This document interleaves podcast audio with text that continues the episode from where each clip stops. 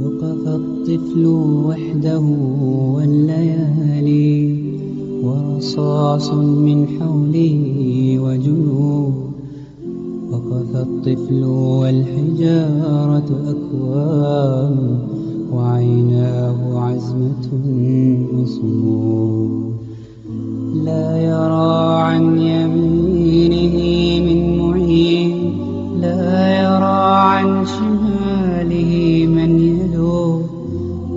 ساح سعى إلي خلاء كل درب يشق مسدود. وقف الطفل وحده والليالي. ورصاص من حوله وجنود.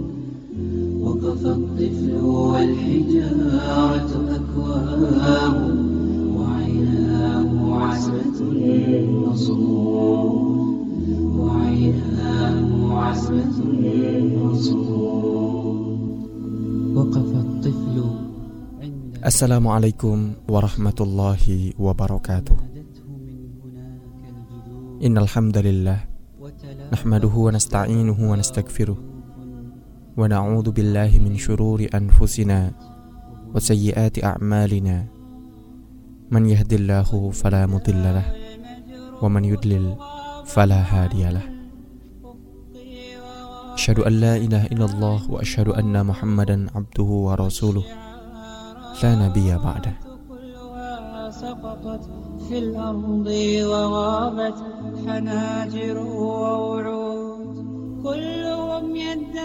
Puji dan syukur hanya milik Allah Subhanahu wa Ta'ala.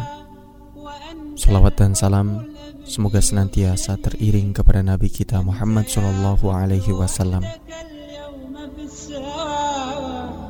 فأين الأنساب أين العروب أين الأنساب أين العروب ونوي يكاد يصرخ أين الزحف أين الرجال Malam hari ini, kembali Ibroh akan menemani Anda untuk menjadi cerminan bagi kita semua.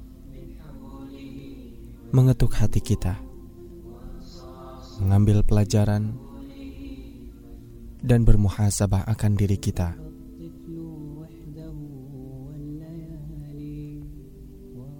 Ibroh kita kali ini adalah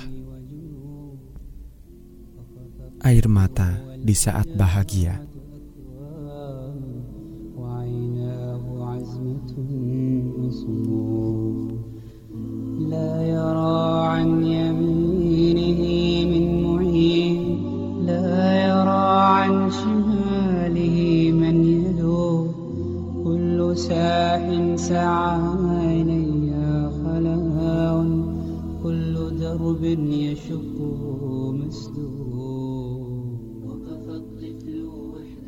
Ruangan itu penuh dengan orang-orang yang mengucapkan selamat.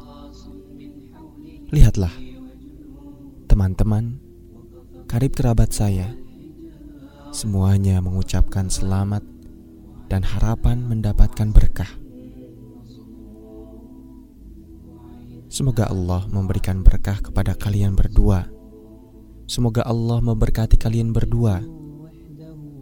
Dan semoga Allah menghimpun kalian berdua dalam kebaikan. Itulah kalimat yang indah yang saya rasakan, yang diberikan oleh teman-teman, karib kerabat saya semuanya mendoakan saya. Mereka juga memohonkan taufik dan keturunan yang saleh.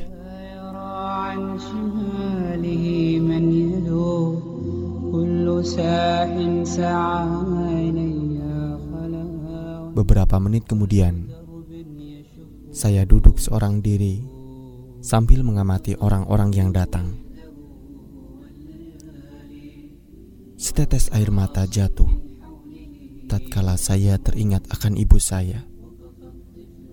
Sewaktu beliau mendoakan saya agar mendapatkan suami yang saleh. Saya seperti bermimpi kala itu.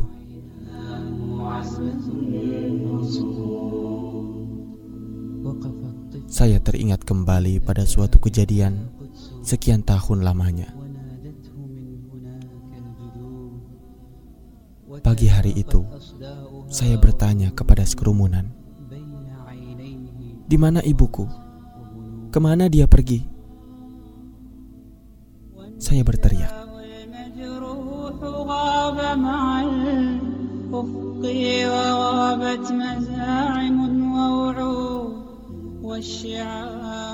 Usia saya waktu itu baru lima tahun. Saya pun kembali bertanya, di mana ibuku? Tetapi hanya dijawab dengan air mata. Dan kemudian saya mendengar suara yang lemah dan suara yang terpotong-potong karena tangisan. Dia pergi ke surga, insya Allah. Saat itu saya tidak tahu siapa yang membuat orang-orang menangis Apakah kami, saya dan adik saya yang berusia tiga tahun, ataukah tangisan orang-orang di sekitar kami? Saya memegang tangan adik saya sambil mencari ibu kami. Kaki kami kelelahan karena berlari ke sana kemari. Kami naik ke lantai atas. Kami ketuk seluruh pintu kamar. Dan kami pergi ke dapur. Meskipun kami kelelahan, kami tetap tidak menemukannya. Saya pun merasa yakin bahwa ibu saya tidak ada di rumah.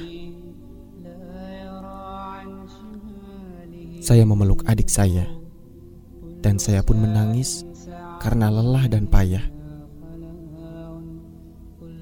Kami lalu tertidur selama satu atau dua jam. Ketika bangun, saya mengajak adik saya untuk mencari ibu lagi. Kami tidak menemukannya di dalam rumah. Kendati ada banyak wanita yang bahkan memenuhi telinga dan mata. Tapi di mana ibu saya bersembunyi?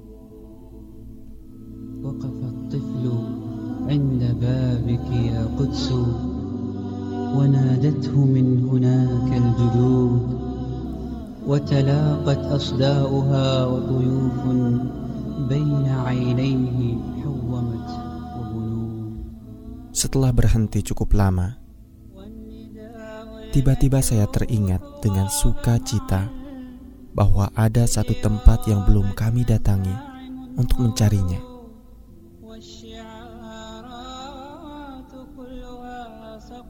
Tempat itu adalah di bawah pohon. Dahulu beliau menyukai tempat itu. Saya pun berlari dengan cepat.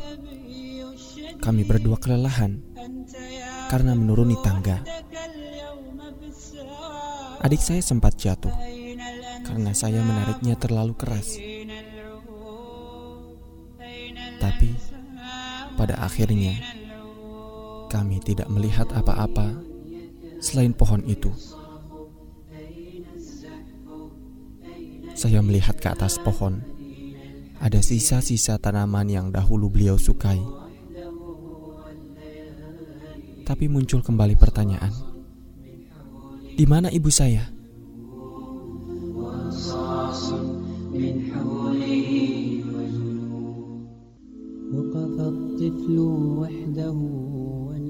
Tiba-tiba terdengar suara keras. Saya melihat banyak orang laki-laki saling memanggil. Saya memasang telinga saya, dan saya membelalakan mata saya. Beberapa saat dari gerakan yang cepat, mereka lewat di depan kami sambil memikul sesuatu di atas pundak mereka. Saat adik saya bertanya, "Apa itu?" maka dengan kepolosan masa kanak-kanak, saya menjawab, "Sesuatu yang berat." Saat itu, saya tidak tahu bahwa yang mereka pikul itu adalah ibu saya. Andai saya tahu, pasti akan menahannya dan tidak akan membiarkannya pergi. وقف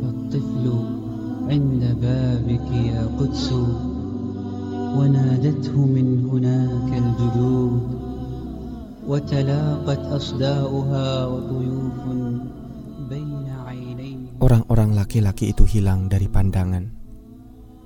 Suara-suara mereda dan keheningan terasa di mana-mana.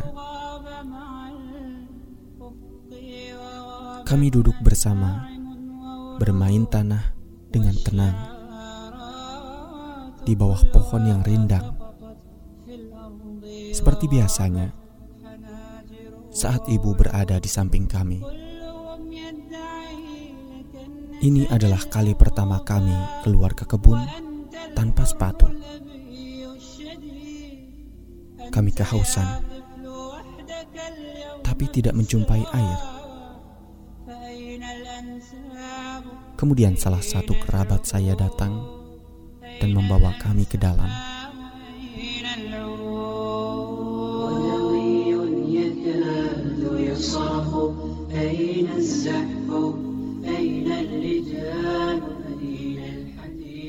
Hari berikutnya, kami mulai melakukan pencarian lagi di semua tempat.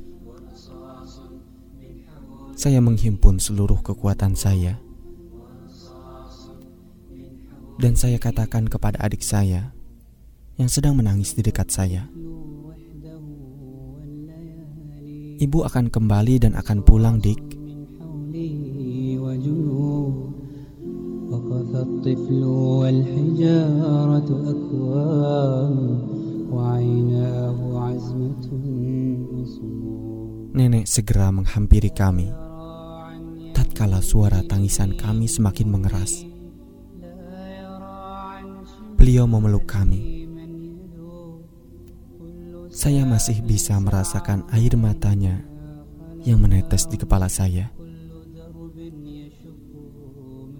Setiap kali melihat seorang ibu, saya selalu menciumnya karena di sana ada aroma ibu saya. Saya masih ingat suatu hari ketika saya membuat ibu saya marah. Beliau mengatakan, "Aku akan pergi dan meninggalkan kalian." Saya pun masih ingat ketika kami menjenguknya di rumah sakit, di samping tempat tidurnya. Sementara saya digendong oleh ayah saya yang berkata kepadanya, "Ini arwah."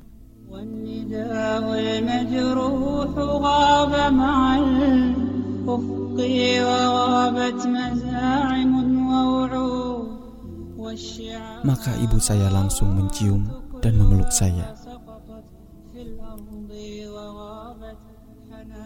Kemudian beliau mencium adik-adik saya.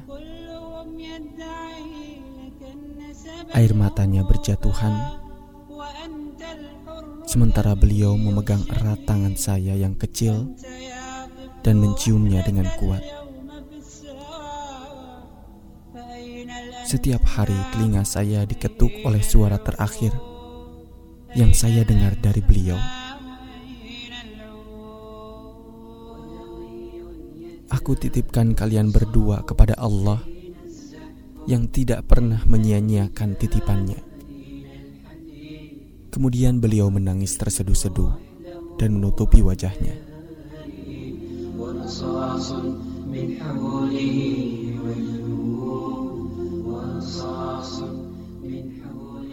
mereka mengeluarkan kami dari ruangannya. Sementara kami terus menangis.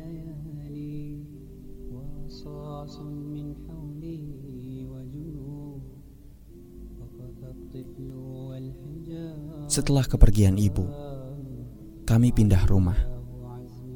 Saya kembali ke rumah ayah saya dari rumah nenek saya, saya, dan adik saya.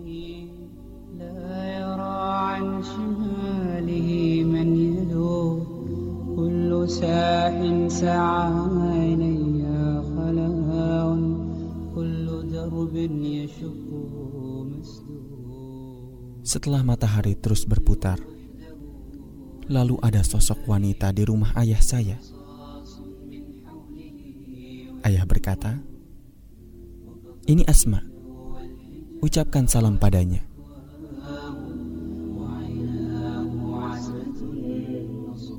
Dia bukan ibu saya, tetapi dia adalah ibu tiri yang paling baik.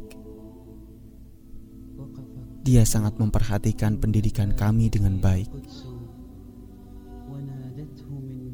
Dia selalu mengontrol belajar kami. Dia pun mulai menganjurkan saya untuk menghafal Al-Quran. Dia memilihkan teman yang baik untuk saya. Dia menyiapkan semua yang kami inginkan bahkan lebih dari itu. Kami sering membuatnya marah, tetapi dia tidak mempedulikannya.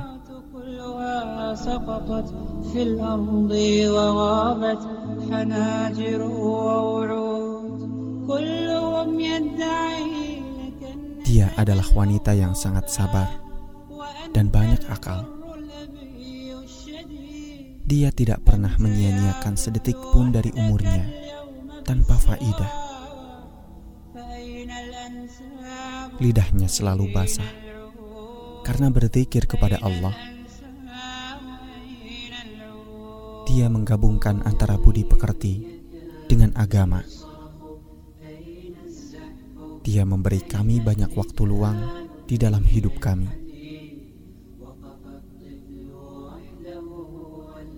Ya, itulah ibu tiri yang baik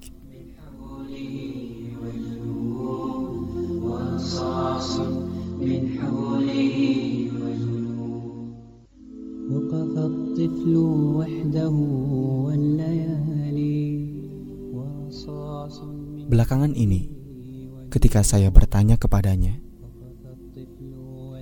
"Engkau sangat berbeda dengan ibu tiri pada umumnya, di mana kesewenang-wenangan dan di mana perlakuan yang buruk." Dia menjawab, "Aku takut kepada Allah, dan aku mengharapkan pahala dari Allah." Dalam setiap amal perbuatan yang aku lakukan. Kalian adalah amanah bagiku. Jangan heran, bahkan saat merapihkan rambutmu pun, saya berharap mendapatkan pahala dari Allah. Lalu, hai Arwa, sudah berapa banyak kau menghafal Al-Quran? Bukankah aku juga akan mendapatkan pahala dalam hal itu? Insya Allah. bukankah aku akan mendapatkan pahala dalam mendidikmu dengan pendidikan yang baik?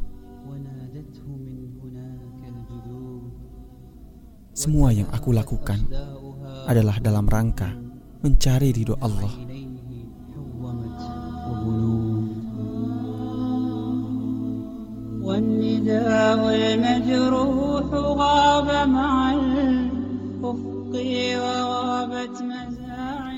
dan dia menambahkan bila manusia mencari pahala di dalam ibadah, seperti puasa dan sholat, maka mereka juga mencarinya di dalam muamalah. Setiap muslim adalah anakku, dituntut untuk berperilaku baik.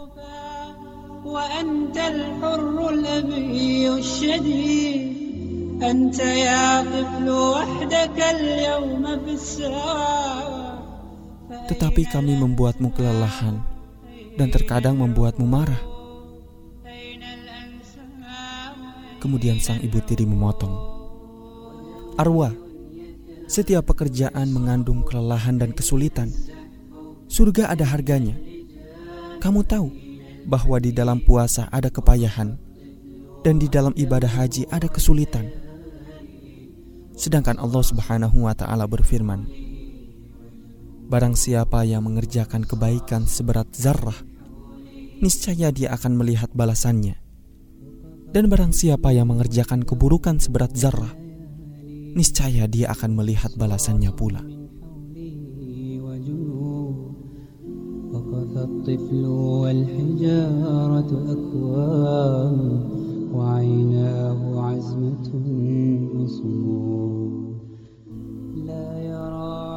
Kemudian melanjutkan perkataannya.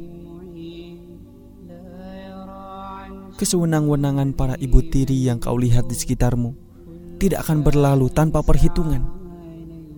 Bahkan perhitungan yang sangat sulit. Apa dosa anak yatim sehingga diperlakukan secara sewenang-wenang? Dan apa dosa anak kecil sehingga harus ditindas dengan kejam?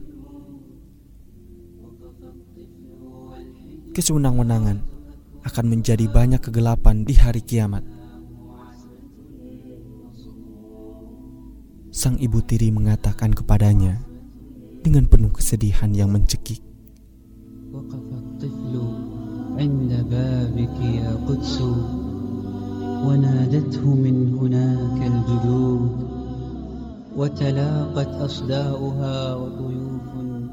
Arwah berkata, Ini adalah doa ibu saya. Saya melihatnya di dalam perlakuanmu yang baik terhadap kami. Karena Allah tidak akan menyia-nyiakan titipannya.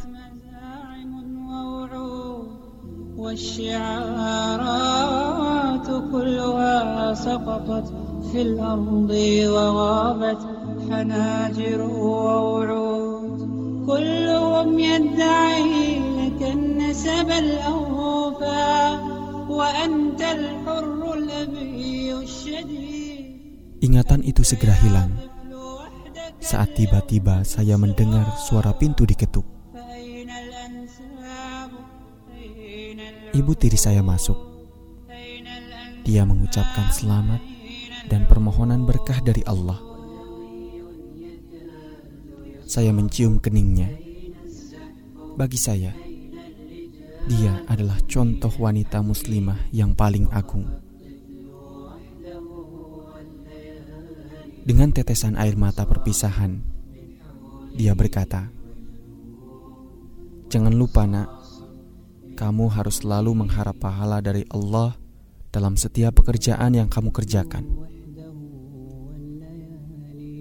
Kemudian sambil tersenyum, dia buru-buru menambahkan, "Kamu sudah hafal hadis Rasulullah Shallallahu Alaihi Wasallam?"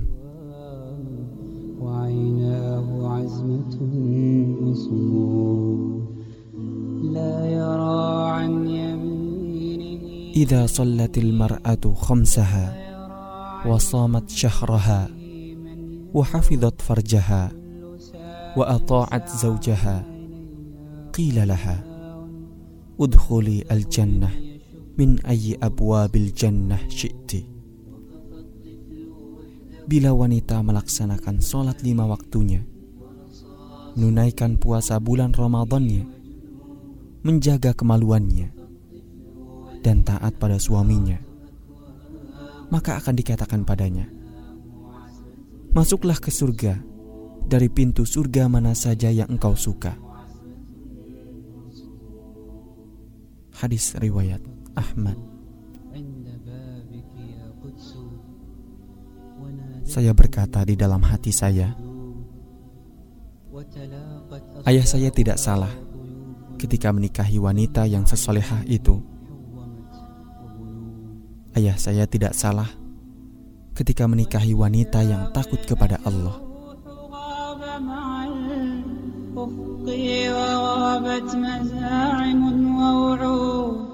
والشعارات كلها سقطت في الأرض وغابت حناجر ووعود كلهم يدعي Demikianlah pendengar Ibroh kita kali ini. Semoga menjadi pelajaran dan cermin bagi kita semua. Wallahu a'lam. Subhanaka Allahumma wa bihamdika. Ashhadu an la ilaha illa anta. أستغفرك وأتوب إليك. والسلام عليكم ورحمة الله وبركاته. أين الزحف؟ أين الرجال؟ أين الحديد؟ وقف الطفل وحده والليالي. ورصاص من حوله مجنون ورصاص من حوالي